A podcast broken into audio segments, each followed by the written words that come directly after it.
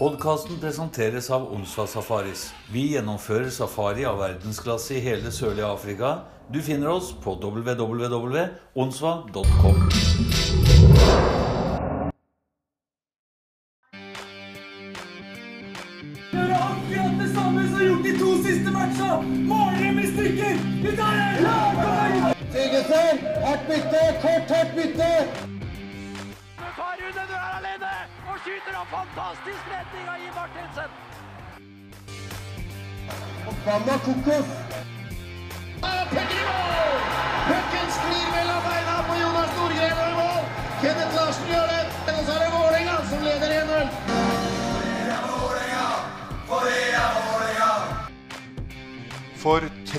23. gang ønsker jeg velkommen til podkasten blant Kokos og Korabi. Jeg er Odd Magne Doseth.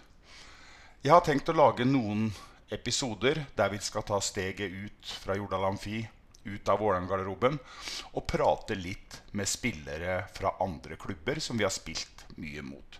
Vi vil høre på hva de har å si, hva de syns om Vålerenga, fortelle noen historier om kamper, og de skal få også lov til å få ta ut sin egen drømmefemmer med Vålerenga-spillere. Og vi starter på toppen.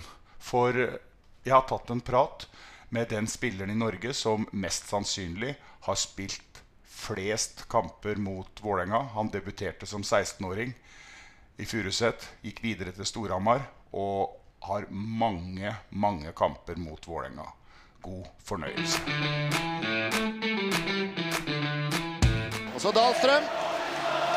Dahlstrøm gjør det nå, da! Han er 50 meter utenfor. Han. Kommer Skastad med det mål! Det er Ole Eskil sitt mål, dette her, uten tvil. Så Dahlstrøm ser også på Dahlstrøm. Kommer han. Litt forbi. Et Har du sett på maken av Ole Eskil Dahlstrøm? Oi, oi, oi. Ole Eskil Dahlstrøm gjør det sjøl, da. Har du sett for en skåring og sett for en spiller? Nok en gang er Ole Eskil som tar tak i det bakfra og er kampens store spiller. og det. Mens eh, Storhamar går til finalen. Og dagens mann, Ole Eskil Dahlstrøm.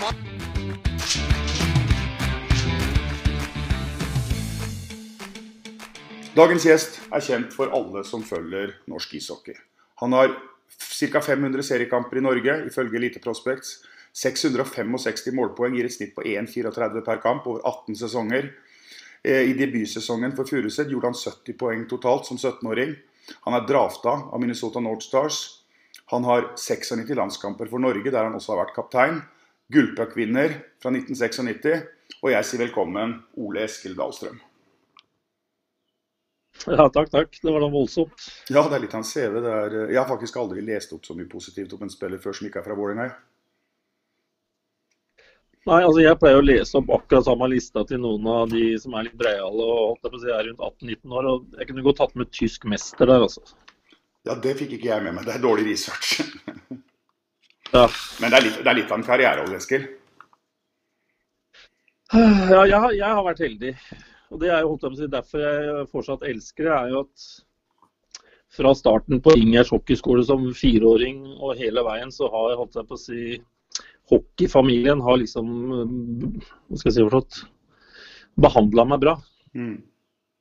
Ja. Nei, grunnen til at man har tapt til og med mot Vålerenga. Ja, ikke sant. Men eh, dette er jo en podkast om Vålerenga, men eh, vi vil jo intervjue spillere fra andre klubber og høre hva de syns om Vålerenga, høre litt om karrieren deres også.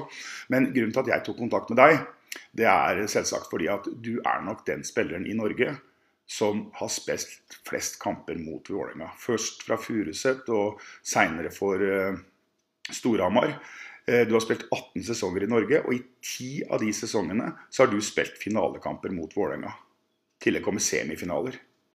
Ja, det var noen år på 90-tallet som holdt jeg på å si det sto mellom eh, Storhamar og Vålerenga. Det var liksom hogd i stein før sesongen starta. Så det var jo det var ikke bare sluttspillet, det var jo om å tøffe seg ganske bra i seriekamper for å posisjonere seg inn mot sluttspillet allerede i, i starten av sesongen. Så det var, det var heftig oppgjør mot Vålerenga. Det var deilig, rett og slett. Det var det som holdt jeg på å si, trigga. Ja. Og I tillegg så hadde vi jo en periode disse bonuskampene. Ja, når lag nummer én og to plutselig møttes etter hver runde, så tipper jeg vi var oppe i 20 matcher i året. Og det ble litt utvanna, syns jeg. Da ble det litt mye holdt jeg på å si, Øystein Olsen for meg noen ganger, altså, selv om jeg elsker han. Ja, nei, det, det var jo ingen som tjente på det. Kanskje Bolleland på Espa, de gjorde vel bra butikk på, det, på trafikken forbi 20 ganger i året. Ja, jeg tror ikke Ensjø på T-banen og sånn, de, de, dem gikk i minus. Men uh, av de ti finalene som jeg regna sånn fort ut som du har møtt Vålerenga, enten med Furuset eller Storhamar, hvor mange tror du du har vunnet av de? Mot Vålerenga. Mm. Åh, vet du Jeg er så dårlig på sånn statistikk. Jeg er jo nesten ikke klar over hvor mange ganger jeg har blitt norgesmester. Eller, men jeg har i hvert fall vunnet med Jeg tipper tre, kan det stemme? Nei, i de ti finalene så er det faktisk 5-5. Så nå kan vi diskutere på like vilkår. Ja, da tror jeg, da, da tror jeg Storhamar har den på, på poeng. Ja. Men Ole Eskil, jeg har eh, Jeg vil prate litt om eh, oppveksten din på Furuset og den biten der. sånn. Jeg vet jo at du har en Pål, en bror som spilte, og at mor di var eh, leder i Furuset. Og at det var Du er fra den fantastiske 70-årgangen i norsk hockey. Der har du jo deg sjøl, du har Tommy Jacobsen, du har Marius Ratt, Myggen, Tommy Eriksen. Det det var jo mye bra spillere født i 1970. Ja, og ikke minst på, i, i Stjerne og Sparta så var det en del gode òg, så Mm.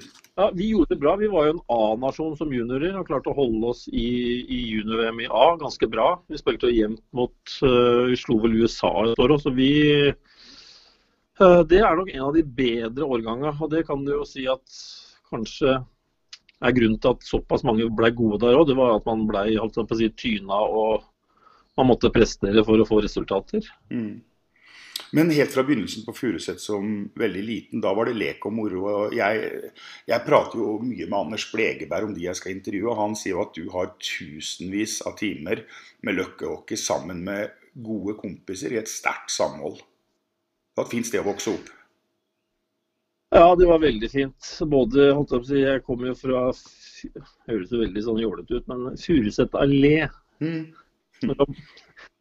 Men i gata vår så hadde vi løkke, og der var, det, der var det lys, og der var det full samling hele vinteren. Mm. Så man hadde ett sånt moro holdt jeg på å si, miljø, og så var det sånn at hver gang det var ledig tid, eller det var ferier, eller det var noe i Furusetdalen, så var det mer at jeg fikk lov å være med med broren min og Petter Salsten og Botta var der noen ganger. Og så fikk jeg som sånn liten dritunge være med de store gutta på drilleparty der borte. Og det, det var Det er sånn jeg ligger liksom våken ennå og liksom bare syns det var skikkelig deilig. Det var kult. Ja. Nei, eh, Blegeberg sier jo også at eh, dersom du hadde vokst opp med de tilbudene som er i dag med Vang og sånne ting, så ville du havna i NHL. Ja, enten det, så hadde jeg kutta ut. Ja, ikke sant? For, eh, nei, for Blegeberg beskriver deg som ung spiller også med en sinnssyk balanse, spilleforståelse og puck-kontroll. Eh, Ja, Vi var jo på Løkka hele tida, så vi tok jo med oss litt av, av løkkespillet. og Det er jo det jeg savner litt i dagens hockey, at folk får lov å spille på instinktet sitt. da. Mm. Så vi tok jo med de instinktene vi lærte ut i naturen, den tok jo vi med oss ut på banen og fikk lov til å holde på med det. Og så var jeg jo holdt jeg på å si heldig. Rune Molberg tok meg med opp på A-laget da jeg var 16. Mm. Jeg er ikke sikker på om det var helt riktig, for jeg sliter jo med begge skuldra den dag i dag.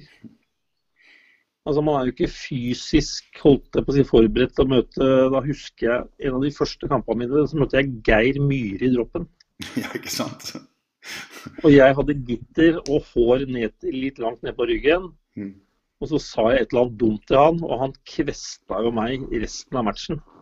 Ja, ikke sant? For, for Geir Myhre spilte ingen rolle om du var 16 eller 40.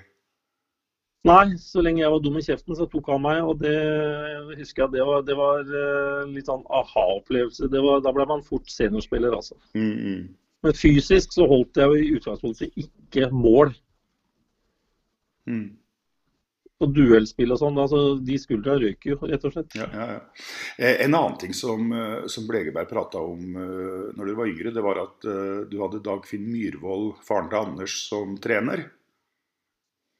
Ja, han var flink. Kjempeflink. Og eh, Anders sier til meg at uh, Dagfinn innførte et begrep som han kalte 'kjærligheten til den gode pasningen', og innførte et sånt system for dere som unger, der dere fikk stjerner og belønninger for gode pass. Ja, det er helt riktig. Jeg kjenner jeg får sånn gåsehud på armene nå. Men vi hadde da en egen poengliga som het trestjerners pasninger. Mm. Uh, og det var den gjeveste. Det var, det var foran uh, skårte mål. Mm. Og den vant jeg veldig klart, husker jeg. Den fikk vi utdelt på Høyenhall. I kjelleren hos Frode Hansen. Der hadde vi avslutning, så jeg husker alt som om det skulle nesten ha vært i går. Mm. Og den pokalen står veldig bra plassert hjemme hos meg. Så klart, det gjør noe med type spiller du blir da. Ser du etter kameratene dine, eller prøver å bli toppskårer. Så, Ja. så da blei jeg at jeg så etter kameratene mine hele tida. Det var det som var den gjeveste prisen. Ja, ja, det, det- det hadde jo vært noe å tenke på for mange i dag òg, vil jeg tro. Ja, nå syns jeg folk begynner å telle veldig mye. At hvor mange mål har du og alt det greiene der. Og holdt jeg på å si, man kan ikke miste den at man unner kameraten sin suksess. Den må ligge til bånn i hockey. Og ja, det blir, er litt opp til klubba. Og, og dette utvikla vel mest sannsynlig ikke bare de som spilte løpere, men også backer. Det, det forhindrer vel produksjon av sånne vant ut-backer? Ja, Vi hadde vel nesten bøter på icing og pucker som ikke kom på blad fra vi var veldig små. Men eh, ja, jeg tror jo det må til da, at man må få lov å prøve og feile. Og, og prøve å spille med puck. Alt det andre kan du holdt deg på å si, begynne med når du blir litt eldre. Mm. Ja, eh, vi skal begynne å snakke om uh, Vålerenga-Furuset. For som jeg sier innledningsvis, så er jeg er helt sikker på, uten at jeg har sjekka det helt i detalj, men du er nok den toppspilleren i Norge som har spilt flest kamper mot Vålerenga. Jeg kan ikke tenke meg noe annet. Men uh, du debuterte altså som 16-17-åring, og så greide du å produsere så mye poeng. Ja, jeg fikk jo, holdt jeg på å si Jeg ble jo satt i en, en rolle òg, da. Jeg, jeg kom ikke i fjerderekka. Nei, nei.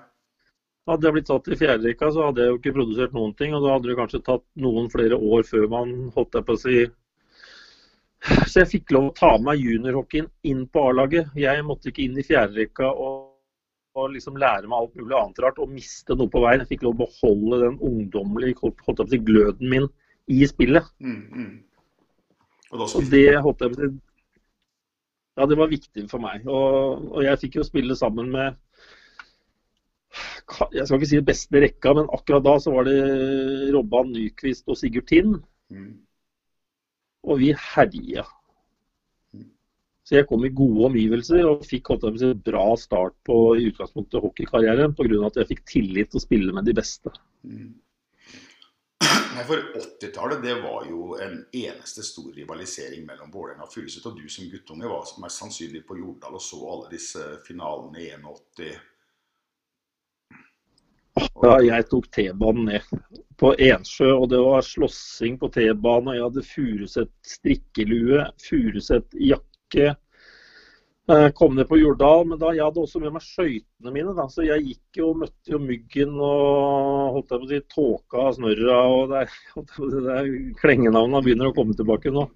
Så vi gikk jo på Bingen, som er der hvor ungdomshallen er nå. Ja, ja, vi, ja, så Vi møttes på Bingen eh, før kampen og hadde drilleparty med Bjørnstad-gutta. og Det var full bulk. Og Så var det inn og se på første periode, og så var det ut og spille litt i pausen igjen. og så kom inn, for da var jo holdt jeg på å si, Inngangen til Jordal var den blå døra på hjørnet bare. Eh, og Da kunne vi stå, fikk vi lov å stå med skøytene på og se på i rundvante. Og så var vi ute og spilte hockey i pausene, så det var jo holdt jeg på å si Går det an å få noe bedre enn det? Nei, det er ikke så mange som gjør lenger, tror jeg. Nei, Nå er det jo, holdt jeg på å si, Hvis det ikke er tak over, så er det vel snart ikke folk som eh, er ute og går. Så gærent er det ikke. Men jeg anbefaler i hvert fall alle som har lyst til å bli god, sette av noen timer i helga til å drive og bli kamerat med pucken på utebane. Det tror jeg lønner seg. Mm. Nei, det, Du sier at da møtte du Myggen og Neka og broren og disse dere spilte før og etter kampen. Så selv om dere var fra Vålerenga Furuset, så var det et bra forhold mellom dere som unggutter. Ja, altså Hockeyfamilien er liten, så det er, det, er, det er ikke veldig mye krangling innad i holdt jeg på å si, garderobene. Mm. Det er noe Jeg husker jo at det var en stund det var bra med, med bråk rundt kampa på, på supporternivå. Mm, mm. Eh, Men altså, gutta seg imellom, selv om det var altså, fra jeg Lilleputt-laget som det het når jeg starta, og helt opp til A-laget, så er jo den dialogen og det kameratskapet er ganske sterkt. Og så ønsker du å få han kameraten din til å gå Eller du, ønsker å ta han utpå når det er kamp. Ja, ja, ja. Inderlig òg. Men uh, når det er ferdig, så er det jo kjempebra kamerater igjen. Så det så det er en ganske sterk gjeng, egentlig. Altså, så når vi møtes innimellom, så er det jo holdt jeg bra med historier som kommer opp. Men det må jo ha vært moro for deg som 16-17-18-åring å få, få spille på A-laget til Furuset. Du har vært og sett på alle kampene på Jordal, disse legendariske kampene. Med, du, du hadde jo da medspillere fra Furuset, og da skulle du plutselig spille da mot eh, Roy Johansen, Arne Bilkvam, Jon Magne Karlstad, alle de som du bare har sett som guttunge. Det, det må jo være et bra steg inn i seniorrocken? Ja, det var moro, ikke minst altså, alt det føsset rundt. For det var veldig høy interesse. Jeg var heldig å komme inn i hockeyen eh, altså på, i 86-87. Og da var det fullt overalt. Mm. Det var trøkk liksom, når du kom på oppvarminga, så var det fullt matcha. Og interessen rundt og sånn. Så jeg vet ikke hvor bra jeg håndterte det sånn sett på privaten, altså. Nei. Det kan hende at jeg, skulle hatt en rådgiver som kunne hjulpet meg litt med åssen jeg skulle fylle tida mi. For man blei litt sånn eh, Jeg skal ikke si popstjerne, men man blei jo gjenkjent, da.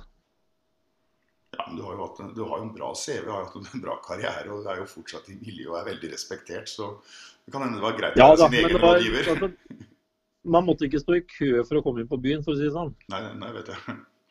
Ja, så det var litt andre forhold på i det vi kaller gamle dager. Nei, Og så var det jo noen eh, legendariske eh, oppgjør på Oslo Spektrum mellom Vålerenga og Furuset. Der var det en del tøffe oppgjør, husker jeg. Ja, da hadde jo jeg, holdt jeg på å si, da gikk jeg skada. Husker jeg åpningskampen i Spektrum. Da skåra vel Espen første målet. Stemmer. Og da gikk jeg med knekt ankel. Å ja, du hadde vært borti Kamenski i VM, du. Nei, det var kneet. Så ankelen tok jeg holdt jeg på å si, litt etterpå. Ja. Så da, da husker jeg det var å sitte i Spektrum. Jeg var kjempefornøyd på hockey sine vegne at man hadde fått en storstue. Jeg hadde jo håpa på at den fortsatt holdt jeg på å si, kunne vært i bruk litt, til litt flere hockeykamper enn det blei. Men da satt jeg med en sånn uh, boblejakke oppe på tribunen og så på. og Det var ikke så spennende. Nei, For Det jeg husker fra Spektrum, var at det var ganske mange tøffe kamper. For eh, det var jo på et tidspunkt det begynte å komme inn en del utlendinger og, og, og sånn inn i norsk hockey. Og jeg husker spesielt én som ble veldig upopulær blant publikum på Jordal, og det var Brian Tøtt. Ja, han, jeg, jeg kan skjønne hvorfor. Men eh, altså holdt jeg på å si, Han var jo den importen som kanskje var litt sånn Jeg elsker Øystein Olsen, bare så det er sagt. altså. Mm. Men han hadde en litt sånn tilnærming til at han brød seg ikke så fælt, var veldig bra trent. eh, Spilte på en måte som var kanskje litt røffere enn de var vant til i Norge. Mm. Så Hvis du hadde den på laget, så var du veldig fornøyd med det. Og så skjønner jeg veldig godt at hvis du ikke var på lag med den, så kunne det være litt kjedelig. Ja. Ja, nei, jeg husker de, de kampene der. Jeg husker ja, masse episoder fra Spektrum. Men det var, det var en rivalisering mellom, eh, mellom Furuset og, og Vålerenga. Men jeg tror også det at som du sier, at det var liksom to lag fra Oslo. Så var det litt mer privatkontakt eh, mellom spillere enn hvis det skulle kommet fra en annen by.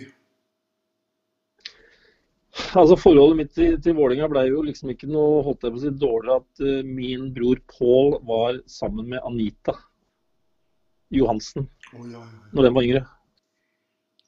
Så jeg var jo i kjelleren i, i Vålerengagata hos Myggen og, og Tom og spilte idiot og sov over der. og liksom Det var en, en plass som jeg var ganske ofte. da. Mm. Så, og nå er jo niesa mi gift med datt... Nei, niesa mi er gift med sønnen til Donald, med Patrick. Oh, ja, ja, ja, riktig, riktig, riktig, riktig. Ja, så jeg er på bursdag tre ganger i året i Danmarksgata. Så jeg, det er, jeg blir, Vålinga blir liksom ikke bort, ut av livet mitt, altså. Nei. Men Furuset de eh, fikk en nedtur på 90-tallet, og da dro du til Storhamar. Og da tok du med deg enda mer rivalisering, eh, kanskje? Ja, det ble enda litt annet. Det ble litt sånn by mot land skikkelig i starten der, altså. At det var bønda mot byen. Mm. Eh, og det ble jo og på grunn av at Storhamar hadde med seg såpass mye fans inn på jula, Mm. så blei det, det ble fyrverkeri av noen matcher. altså Både før og etter. Og den der eh, kua som rauta når vi kom utpå, hun der budeia som eh, ropte. Ja, det var, det, det var kult. Jeg syntes det var deilig. Jeg, altså, jeg, jeg elsker jo Vålerenga. Det er godt å høre. Folk bruker jo folk bruker ordet at du hater dem. Jeg elsker Vålerenga. Det er jo holdt jeg på å si, dem som har gitt de største oppturene mine og de dypeste nedturene. Mm. Men, Så det har smakt best å, å vinne mot dem, og så har det smakt skikkelig dårlig å tape mot dem. men så har det jo skapt atmosfære å spille under også. Og man vil jo savne en rival, sånn som i Vålerenga. eh, Det var jo mange som jubla når Lillestrøm rykka ned i fotball. Men jeg, jeg mener jo da at eh, det er bare tull. For det, det er jo en fordel å ha en sånn rival, sånn at man får de der tette, innholdsrike kampene med stemning. Ja, du må jo treffe han naboen som du misliker litt innimellom. Det, det gjør alltid litt godt. Så det mobiliserer i klubben som regel òg, så, så man skal ikke unne folk eh, så lite suksess. Så unn holdt jeg på å si, han eh, naboen bare litt mindre enn deg sjøl. Litt lenger bak på tabellen, så er det greit. Mm. Men du har jo også fått litt eh, medfart. Du har jo kolossalt med, med, med poeng. Jeg, jeg, jeg må jo si jeg er imponert Ole Eskil, når jeg ser at du snitter på 1,34 per kamp gjennom 18 sesonger. Det er jo klart at du var en markant skikkelse, men du fikk også en del juling mot uh, Vålerenga. Så vidt jeg husker og ser på researchen min, så har Petter Thoresen slått ut tenna på deg, og Morten Ask knekt armen din. Nei, Morten Ask klarte ikke å knekke armen min, altså. Han gjorde ikke det? Nei. Nei, men han prøvde alt han kunne, det er fall helt sikkert. Ja. Eh, Men ja, mot Vålinga, det er der holdt jeg på å si, blåmerka og tenna og mesteparten har fått uh, kjørt seg. Men det var jo der det var mest temperatur, og det var da, det, man følte at det var da det sto mest på spill. Mm. Så hvis man prater om uh, en herlig motstander å møte, så var det jo de kampene over veldig mange år som holdt jeg på å si raga høyest. Ja. Nei, jeg hadde jo en episode med, eller to episoder med Bård Sørli bl.a. Og vi snakka om dette at det var veldig hardt ofte mot Storhamar. Og eh, Bård sa at ofte så hadde han Geir Svensberg i ryggen. Åh, burger, ja. Vi hadde en plan. i, i rund- rundvante. Ja, det er jo sånne ting som vi kan humre litt av nå. da. Som var litt synd på Bård, for han ble vel skada et par ganger. Mm. Eh, Men da kjørte vi klar taktikk. da. Altså Hvis jeg var ute på burgeren, da, så skulle jeg legge en sånn eh, rolig puck som rulla var litt sånn guffen ned til rundvannet der hvor ismaskina kjørte ut. Og så skulle burgeren bare lukke øya, så skulle han kjøre på helt til eh, et eller annet som knakk. Mm. Men, men, Og da er, var det jo Bård som høyrebekk da, som fikk den. ja. men det er som Bård sa sjøl, i andre enden så hadde du Rune Fjelstad Øystein Olsen som prøvde å takle i stykker det som var av Storhamar-bekker. Ja, ja, altså Vi fikk jo kjenne på det, vi òg. Altså, så det var ikke noe, men, men det lå en plan om at det, skulle, folk skulle kjenne at det var vondt. Mm. Det er de tøffeste gutta. vinner. Ja. Men eh, blant spillere så vet vi at det er et godt forhold og, og, og sånn spillere imellom, for de kjenner hverandre og møtes etter kamp og sånn. Men føler, føler du egentlig at Vålerenga-publikum har hata deg for at du var god? Nei. Ikke i det hele tatt. Jeg syns bare at uh, de hadde en egen sang til meg som folk uh, minner meg på den dag i dag. Mm. Så når jeg kom ut eller hadde gjort et eller annet, så sang de liksom Fyret tenner i en boks. Oh, ja, ja, ja. Og jeg bare jeg syntes at det, det var dritkult. Mm. Og så var det en som prøvde å kaste snus på meg, husker jeg, etter at vi hadde blitt norgesmester i jula.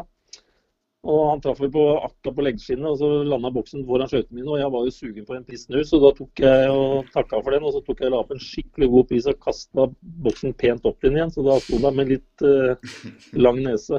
Ja. For, for, for Men altså, publikummet på jula syns jeg var bra. Jeg har, aldri fått med meg noe sånn ukvemsord et eller annet. Nei. Det har vært et sånt ålreit forhold begge veier, tror jeg. Men, men du er også typen som øh, faktisk kan bli litt bedre av å få litt pes? Ja, jeg blir ikke noe dårligere av det. Det er noen som syns at jeg ikke er noe god. Men samtidig så var nok ikke jeg den spilleren som holdt jeg på å kikka rundt på tribunene hele tida. På en eller annen måte så kommer du inn i en, en boble. Mm. Så man oppfatter hva som er på innsida av vantet, men så får man også med seg altså holdt jeg på å si, mer rytmen fra tribunen. da. Og den driver jeg. Mm, mm. Det er kanskje litt vanskelig, men ja. Du kjenner bare på kroppen at her er det trøkk. Men så er det jo å oppfatte det som skjer på isen som er hovedpoenget. Og som regel så var det så tett at man oppfatter ikke alt det som skjedde fra tribunen utenom den sangen min ble synget. da. Ja, ja, ja, nei. nei, for det er jo noen som har uh, syketotale. Noen blir bedre av det. Jeg har jo fortalt en uh, historie før jeg intervjua Tommy Lund. Og du husker jo helt sikkert uh, den fantastiske gavepakka som Tigeren ga til dere i 2004 når han spilte skulle spille pucken ut av rundvant. Ja, jeg, det, jeg husker det veldig godt. For da hadde vi akkurat uh, før sønnen hadde vi dratt på oss en fem minutter, to minutter, eller fem minutter for boarding eller sånn. Han russeren Mm. så han helt hodeløst. Mm. Så, Så, mens materialforvalteren til Vålerenga drev og bærte ut sånne gullhatter og champagne nede i rundvantet, så, så ble det match 2 på Hamar. ja. Ja, nei, Det er jo match 7 som Tigeren, eh, som Tommy Lund eh, prater om også. Da det bare at eh, da var jo Storhamar-publikummet begynte jo med den der 'Vi har Tommy Lund'-sangen. Ja, den har jeg hørt mange ganger. Ja. Den hører jeg ennå, faktisk. Ja, ja, og den, Det var jo kamp 7, og den gikk jo til Sønnen. Men da var det Øystein som greide å erte på seg Hamar-publikum, så at de skulle vende fokus på han i stedet for Tommy, for han visste at han kom til å ta det bedre. Ja, hvis det er noen som har vært i munnhuggeri med motstanderens supportere, så er det Øystein Olsen. altså. For det, De første sesongkorta som gikk på Hamar, det var dem som var til venstre for utvisningsboksen til motstanderen. Ja, ja riktig. riktig. Ja, og dem, når Øystein han fikk jo som regel i hvert fall én-to minutter. Og da gikk det, og da sto det plutselig 50 stykker opp, og Øystein sto, og dem drev og holdt på fram og tilbake. Og for et herlig teater, altså. Det, det er liksom sånn det skal være. Ja. Men, og når du snakker om Olsen, så var det vel i 95 så var det en ganske stor helg eh, i oktober, tror jeg det var, i, eh, i 95. Så eh, debuterte Anders Myhrvold i NHL. Og samme dagen så var det en kamp på Jordal der Øystein sørga for å bane vei for trenerkarrieren til Petter Thoresen med å slåss med Gøran Sjøberg. Byggis. Ja. Ja. Ja, det, da var det oppstyr. Det, altså, når du er med, så sitter du kanskje bare Du får med deg litt grann sånne bruddstykker. Og så når vi skulle inn på bussen, husker jeg flyget, så han var jo, hadde låst seg inne. og Så skulle vi ta bussen hjem, og den ble ikke sluppet ut. Og det gnistra med folk som tok bilder og inn i bussen. og Da fikk han, eh, han fikk fri etter det, for å si det sånn. Mm, mm. ja, da var det klart for Petter. Ja, da kom uh, Thoresen inn. Hvordan syns du det var å ha Petter som trener? Pe- Petter var god, så er en sta, vet du, så det, det hjelper jo. Så han har en, holdt på å si, en tanke på hvordan han vil at spillet skal være. Og Så kan du godt gå i dialog med Petter og holdt på å si, komme med et annet forslag, men da skal det veie veldig tungt før du får gjennomslag. Men han bestemmer hvordan det skal være, og så må spillere utføre det. Og da det blir det ofte resultater ut av. Mm. Men hvis vi snakker om Petter, så øh, Han har 96 landskamper. Og det har du også. Samme antall. Og Morten Ask, faktisk. Eh, Vi må prate litt om tida di for øh, Er ikke jeg foran dem? Nei, nei. 96, 96, 96 ifølge Ja, Hockeyforbundet. da, da sier jeg som Trump, her må vi telle en gang til. Her må vi telle en gang til, ja. jeg, jeg, jeg, vi får ta det med forbundet. Men eh, du har jo vært kaptein på det norske landslaget. Og eh, du var jo med eh, og spilte Norge opp i A-pulja, var det ikke det? Når Jon Magne hadde det der fantastiske slagskuddet på Jordal? Jo, det var mitt første år når, i 88-89, når jeg var på Lillehammer Oslo. Mm. Og hvis jeg skal, Det var altså den herligste gjengen som jeg tror jeg noen gang har vært på tur med. Mm. Jeg var, holdt jeg på å si, nettopp eh, blitt 18 og var på tur med den der gamle gjengen. Eh, Og med suksess. Og ikke minst Jon Magne, som da vi ble jo satt i, i svarte femmeren, som var liksom den dårligste. Og Jon Magne var superbreial. Så sa han bare at det som skjer på treninga spiller ikke noen rolle, liksom. Bare vent til VM starter, så er vi førsterekka. Mm. Og det ble jo sånn at vi produserte veldig mye i det VM-et, og Jon Magne var jo helt superkul, så Ja, så han var liksom en, en støttespiller for meg i, i, det, i den oppkjøringa. Han, han hadde jo så trua på det, så det smitta over litt. Ja, han hadde trua på banen, og så er det jo ingen som er så Han har det ennå, faktisk. Og så er, så er det ingen som er så morsom å være sammen med som, eh, som Jon Magne sånn sosialt heller, da. Nei, så Han fikk meg til å liksom slappe av litt, og han mente at vi var, vi var i rute. Men eh, det med å ha trua på det, det er faktisk ikke Altså Jon Magne han er et par år eldre enn meg, og jeg flytta Jeg, jeg tror det være sju-åtte år siden, så han hadde i hvert fall bikka 50. Da sier Jon Magne til meg at eh, at eh, hvis jeg hadde fått trent i en sommer, så tror jeg jeg skulle greid å spille på A-laget igjen i dag. Ja. Det, det er han. Da prater vi om samme karen. Jeg var nemlig i bryllup i Tønsberg for et par år, år siden. Da, da holdt han sånn 25 i alder ennå, altså. Mm. Så, ja, Jon Magne er Han er bare Han finnes det bare én av. Ja, det gjør det. Eh, Ole Eskil, du har også vært eh, ekspertkommentator i, i TV 2. Og da har jeg, nå har jeg lyst til å be deg litt om unnskyldning. Ja, takk. For jeg har lekt ekspertkommentator to ganger mens jeg var i Vålerenga. Og første gangen det var når Mats Zuccarello var sånn 14-15 år. Han kom ikke inn på Vang. Og da sa jeg at han er for liten og veik til å greie seg i Gateligaen. Der tok jeg bra feil som ekspertkommentator. Ja, men det er jo, holdt jeg på å si Marginer. Altså, Mats var god, men selvfølgelig liten. Og da hadde ikke hockeyen utvikla seg, så hadde det kanskje blitt verre for Mats å følge. Men han tok jo de stega. Så når du så han spilte i Asker, kom til Modo Han har altså noe sånn leik, moro, ild, passion. Han har liksom alt det greiene der. Og totalen av det altså Han kunne vært to Han se ut som han er to meter høy innimellom. Vinner dueller, vinner race. Jeg har sittet oppe mange netter og sett på Rangers, altså. Bare for at han jeg synes at han er ålreit å følge. Mm. Men der tok jeg feil. Og når TV 2 gjorde en avtale med, med norsk ishockey om å, å starte sendinger, så var det du og Geir Hoff som eh, ble lansert som ekspertkommentatorer. Ja. Og da, da hadde jeg på en måte liksom ikke trua, for jeg trodde at dette skulle bli sånn eh, breialt hockeyprat og kanskje litt for mye sånne faguttrykk og, eh, og gjøre det vanskelig for vanlige folk å forstå. Men den skal jeg ta tilbake igjen, for der gjorde du og Geir en fantastisk jobb. Ja, altså jeg var heldig å få Geir som, eh, som partner. og Vi satt jo oftest i studio.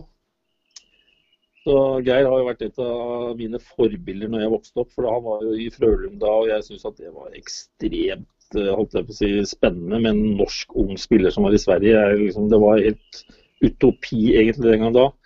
Så jeg har alltid hatt et bra forhold til, til Geir. Og når Geir, da, som var litt mer professor enn meg, liksom holdt litt i tøylene, så, så klarte vi det bra en stund, vi, altså. Mm.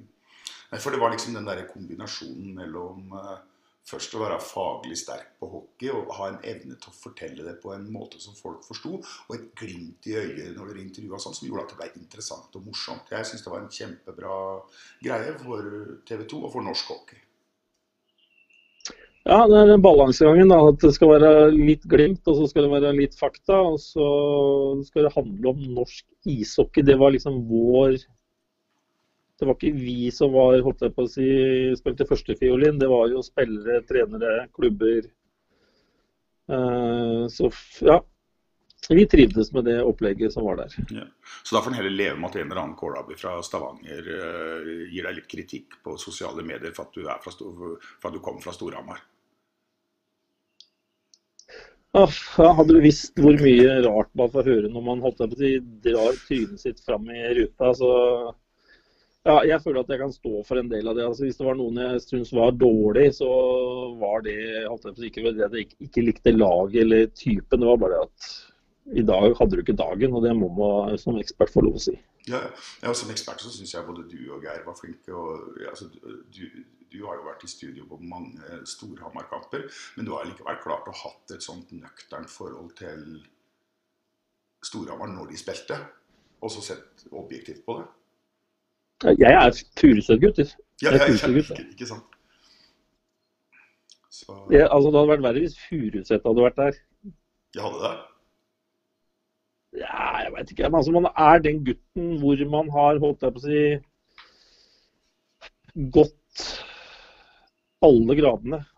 Så selvfølgelig er jeg litt Storhamar òg, men jeg er Furuset-gutt. Mm, mm. Og så har jeg et, et sterkt forhold til Storhamar. Mm. Ja. Men uh, å se på et ishockeykamp og, og Jeg har i utgangspunktet ikke heia på noen. Nei. Jeg ser på hvem jeg syns er gode og hvem jeg syns er dårlige, og så ut ifra det så lager man holdt på å si, et strek under svaret. Mm, mm. Nei, det, det, det heier på den som spiller best. Ja, Kanskje taper. Men eh, da har jeg lyst til å ta en liten tur sånn inn i, i garderoben. og jeg, jeg, satt og forberedte meg til her, så hørte jeg på en pod du var sammen med Bendik Eriksen uh, på Storhamar.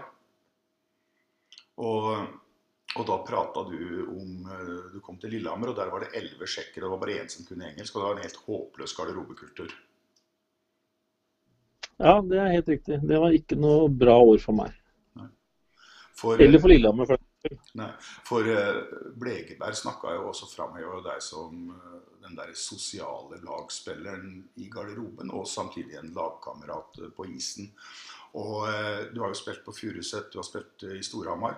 Og vi som er fra Vålerenga, vi liker å tro at vi har den mest unike garderobekulturen i i uh, verden. Og si litt om dette med garderobe og samhold, og dette med å ha kanskje en stamme i laget som tar videre bærer videre kultur og sånne ting. Ja, Vi kaller det jo fakkelbærere på en måte, altså kulturbærere. Men mm. noen må si, dra med seg historien i laget videre. Mm. Og i gamle dager, når du kom i Vålerenga-garderoben, så var det jo seniorgutta satt oppe. og junior er satt nede. Mm. Den var jo fordelt på to garderober. Og da gikk man jo, holdt jeg på å si, hvis man kan kalle det livsløpet i klubben. Mm. Mm. Så alle historier gikk jo, holdt jeg på å si, rundt leirbålet. Mm. Og sånn var det for meg helt fram til, eh, til jeg avslutta i Storhamar. Mm. Da var det en norsk stamme som holdt, si, holdt litt orden. og Hvis én ble borte, så var det en annen som tok over, og så gikk hjula. Uh, og så Hva som har skjedd uh, rundt omkring er jeg litt usikker på, men ofte så er det jo sånn at det er, uh, hvis det er de seks-sju antatt beste er importspillere da, mm. som skal bære laget, så tror jeg ikke det er bærekraftig. Mm. Hvis den blir bytta ut hele tida, blir, da blir man fort historieløse. Så man kan ja, kanskje beholde noen av de eldre, eller i hvert fall noen som er med og bærer historien mm. til klubben. Mm. Og, og det, det, er det som jeg har sagt i noen episoder også, at sånn som i Vålerenga på tidlig 2000-tall, så hadde vi liksom en stamme med Ricky, Kenneth, Bård, Lars-Erik, ja, en haug med folk. Og hver gang det kom inn utlendinger, så var det sånn at de kom ikke i stort antall, og de måtte tilpasse seg den kulturen som var i garderoben. Og de ble, liksom ikke leida inn. Og sånn har jeg en mistanke om at det kanskje var på Hamar òg. For Vålerenga og Storhamar er noen av de laga på 2000-tallet som traff godt med utlendinger. Ja, og det kan jeg si at de utlendingene som kom i, inn i garderoben vår, om de kom fra East Coast eller fra Sverige eller om det var AHL eller NHL, så måtte de rekke opp hånda når de skulle si noe i garderoben vår. Mm. Ja. For det var altså noen andre som styrte den. Ja. Og... og... da er styringsformen sånn at man skal bry seg og man skal ta vare på hverandre litt. Så høres det litt sånn kleint ut, men det, jeg håper ikke det er gått helt ut på datoen. Nei, nei. For det, når jeg hørte på en podkast med Bendik, så tenkte jeg med en gang liksom Elleve sjekkere, det må være en utfordring hvis du har en, bare en liten norsk stamme fra før i laget. Ja, og en tsjekkisk trener som eh, når mesteparten av praten gikk på tsjekkisk, da blir det, det blir vanskelig å bygge klubb. Ja. Men er du enig med meg når jeg sier at, at det kan være den derre Altså jeg mener Storhamar, dere hadde jo en fantastisk uh, uh, stamme i det laget med deg, Tom Erik Olsen, Pål Johnsen. Dere var jo år etter år. Og hver eneste utlending omtrent som kom til dere, innfant seg og ble bra i klubben. Ja, altså, De handla jo ikke på nederste hylle som regel, så sånn sett så var det forventa at de skulle levere litt. Men samtidig så var det sånn at eh, premissene ble lagt av den garderoben som var der fra året før. Mm, mm. Eh, og det holdt jeg på å si, tror jeg er viktig, da. Jeg vet ikke åssen det er i alle andre lag, men jeg tror også i Vålerenga så har jo den kulturen De prater om vinnerkulturen i vegga og alt det greiene. Altså, den er jo ikke i vegga, den er jo i praten til folk. Mm, mm. Så jeg er jo holdt opp, Da prater man om de gamle spillerne. Da kan, jeg tipper at Ilka Karna og noen av de der Mikkel eh, og Bjølsbakk og hele gjengen blir nevnt inne. Og det tror jeg er bra for en klubb. At noen av de gamle holdt jeg på å si, stjernene ikke bare blir borte, men det blir fortsatt prata noen historier om dem. Mm. Så, men eh, du kan jo si litt om, om Storhamar. For dere hadde jo en bra Jeg nevnt Tom Erik Olsen, Pål Johnsen, deg. Du hadde jo Scoutstammen, syns jeg er en fantastisk fin fyr. Ja, Vi hadde mange, men eh, nå må vi ikke glemme å nevne mesteren, altså. Nei, nei, nei, nei, fra tidlig. Nei, nei. Nei. Så, når, når vi som har spilt litt på Hamar, altså jeg, når jeg begynner å nevne folk, så sier jeg mesteren først. Det er, det er i ærbødighet. Mm, mm. Og så kan vi nevne alle de andre etterpå. Petter Salsten hadde en bra avslutning på karrieren der oppe. Mm. I Martinsen var oppe. Var god for oss mot Vålerenga i, i noe sluttspill. Mm. Eh, Så det ble henta en del eldre, men samtidig så ble det henta en del sånne ledertyper som var med å holdt jeg på å si, utvikle og frakte laget videre.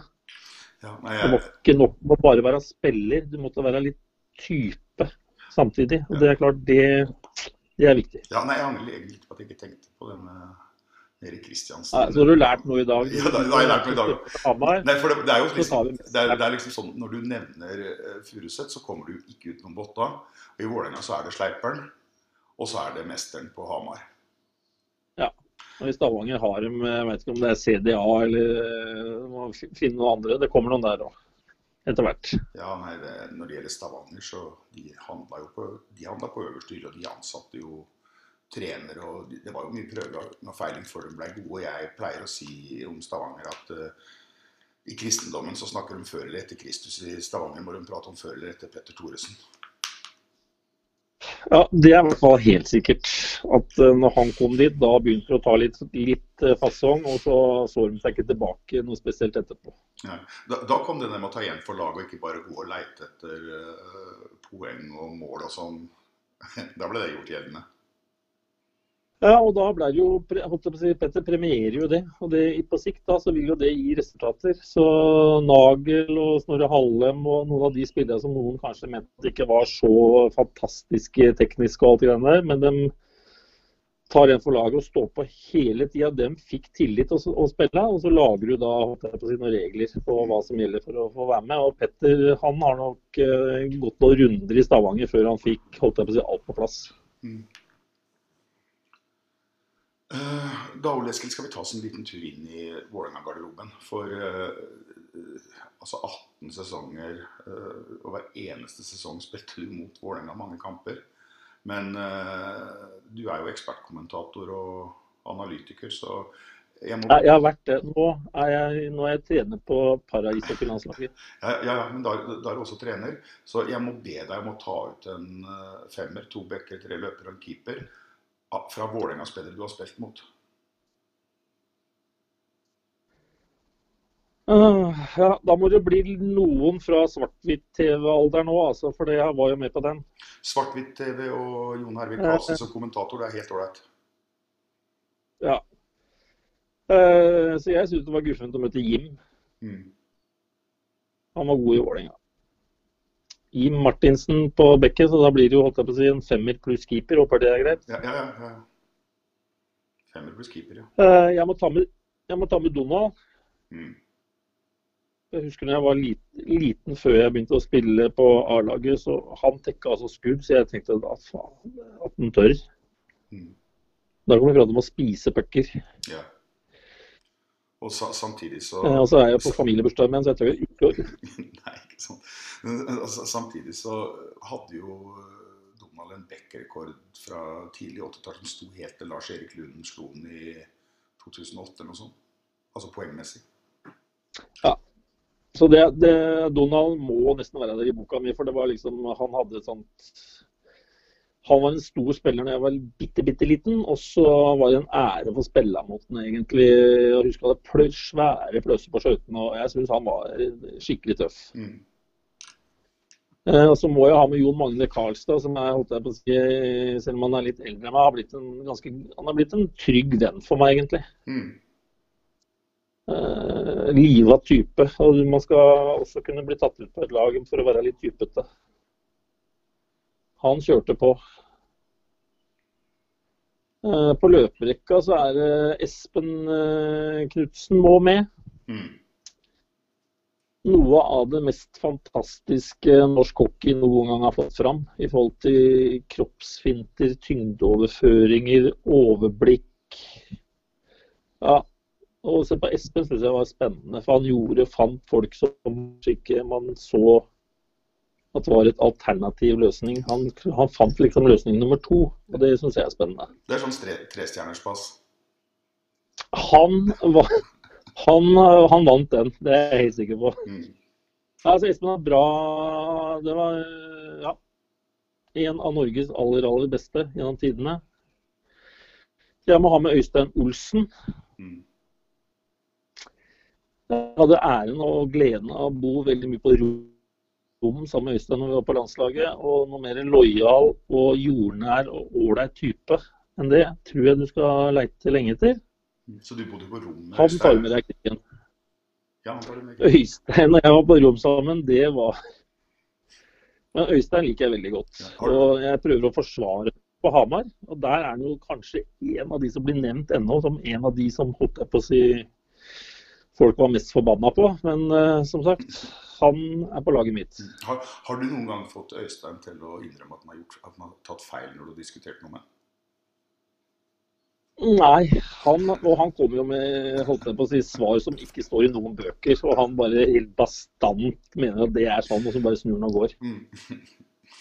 Eh, Men Øystein er vel oppe i huset nå som trener, så Ja. ja, jeg liker Øystein. Ja. Og sistemann på laget er en av mine favoritter. Det, det er Marius Ratt.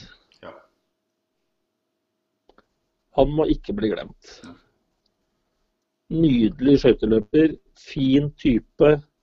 Og hadde en litt sånn der eh, breial stil, selv om han ikke egentlig var breial utafor banen. Mm. Rødtvet-gutt. Så ja, der har du femmeren min. Det er femmer, det er bra. Det, er- jeg, jeg syns jeg, jeg, synes jeg er en bra femmer. Da har du et uh, backpar fra uh, 80-tallet og bra spillere fra, på din alder fra seinere. Ja, det er sånn min holdt jeg på å si, Og, en, og, en, karriere mot Vålerenga føles. og en keeper som aldri gikk ut på dato. Han kunne vel sikkert også sagt nå at hvis han hadde fått trent bare en 14 dager siden, så kunne han stått på, tenker jeg. Men jeg tror det hadde vært en større sjanse å få Jim i gang igjen enn Jon Magne, men det er en annen sak. Jeg veit ikke, Ole Eskil, har du noen situasjoner eller noe som du har opplevd mot uh, Vålerenga som du finner spesielt? Gode historier? Ja, blir det semifinale på Hamar mot Vålerenga. Hvilket år er jeg litt usikker på, men det er jo lett å regne seg til. For uh, Kenneth Larsen skårer i hvert fall én null i, i minutter eller noe sånt ut i trea. Mm. Og så hadde, vi, hadde jeg komponert et oppspill som het kryss senter. Som jeg hadde blitt enig med gutta mine at eh, når, vi, når, vi, kniper som verst, så kjører vi det. Eh, Og Da var det Mathias Lief og jeg og Skastammen og Tom Erik. Og vi ble enige om at nå sa jeg at nå, er, nå er vi så dårlige, så nå kjører vi den varianten. Og Da kjørte vi den to ganger. Og den skåret vi to mål på. Og det siste målet, da kom jeg gjennom midtsonen. Kjørte litt høyre-venstre-finter, og så kom Bård Sørli, så dro jeg luka på han. Og så gikk jeg inn og skåra 2-1-målet. Og da gikk vi til finalen. Mm.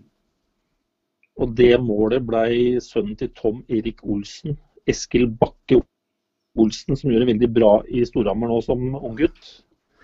Han ble oppkalt etter det målet mot Vålerenga. Så Tom Erik kalte opp sønnen sin etter deg for at du satte den gålen? Ja, for Han sa før kampen, for da var Britta, kona hans, var på fødestua. Så sto han i garderoben. Han visste jo ikke hva han var jo så shaky. Han var jo så nervøs og utslitt. og det, Fødselen liksom skulle vært i gang. og Han hadde ikke sovet på flere dager. Så sto han der litt i ørska og sa den som skårer game winning goal i dag, skal jeg oppkalle sønnen min etter. Ja, men det her, så det her er jo litt nært, da. Så da gikk jeg rett på ble intervjua i NRK etterpå, så spurte jeg hvorfor måtte du Det var bra skåring. Jeg bare var nødt til, for det, så da blir Nå må Tom Erik oppkalle sønnen sin etter meg. Ja, Og det hadde jo Britta fått med seg på fødeavdelingen. Så hun lå jo der og var fem minutter unna føde og fikk beskjed om at uh, sønnen deres allerede hadde blitt oppkalt. Fått navn. Fantastisk. Ja, det er fantastisk. Men uh, vet du en annen ting når det gjelder akkurat den golden, uh, Ole Eskil? Jeg lager en intro til deg til denne episoden her. Med litt musikk og kommentatorstemmer. Og det som ligger før det intervjuet her nå, det er eksakt kommentatoren fra den golden. Eskil Bakke Olsen-skåringa. Ja. Det er den jeg henta ned lydklippet fra YouTube, og den ligger med musikk før, med som intro til intervjuet vårt nå. Ja, så da kan jo Vålinga i hvert fall De er en del av det navnet. Det må jo være hyggelig. Ja, det tapte 2-1 i semien. Siste semi. Ja, ja, men uh, den var med når Eskil fikk navnet sitt. Nei, men det er jo det er jo tap og vinn og alt mulig sånn. Når vi skal avslutte, Ole Eskil, jeg, det har vært uh, moro å høre på deg. Og du har sagt Du er Furuset-gutt. Du har sagt mye bra om, uh, om Storhamar. Du sier at du elsker Vålerenga og sånn, men uh, jeg var 12 år, 13 år i, i norsk ishockey, og jeg har gjort mye rart i livet. Når jeg sier at ishockeyfolk det er noe av det ærligste og mest reale folka du møter, er du enig med meg i det? Ja, det er jeg helt enig i. Uh, Jeg tror at hvis du ikke er det, så får du ikke være med etter hvert. Mm.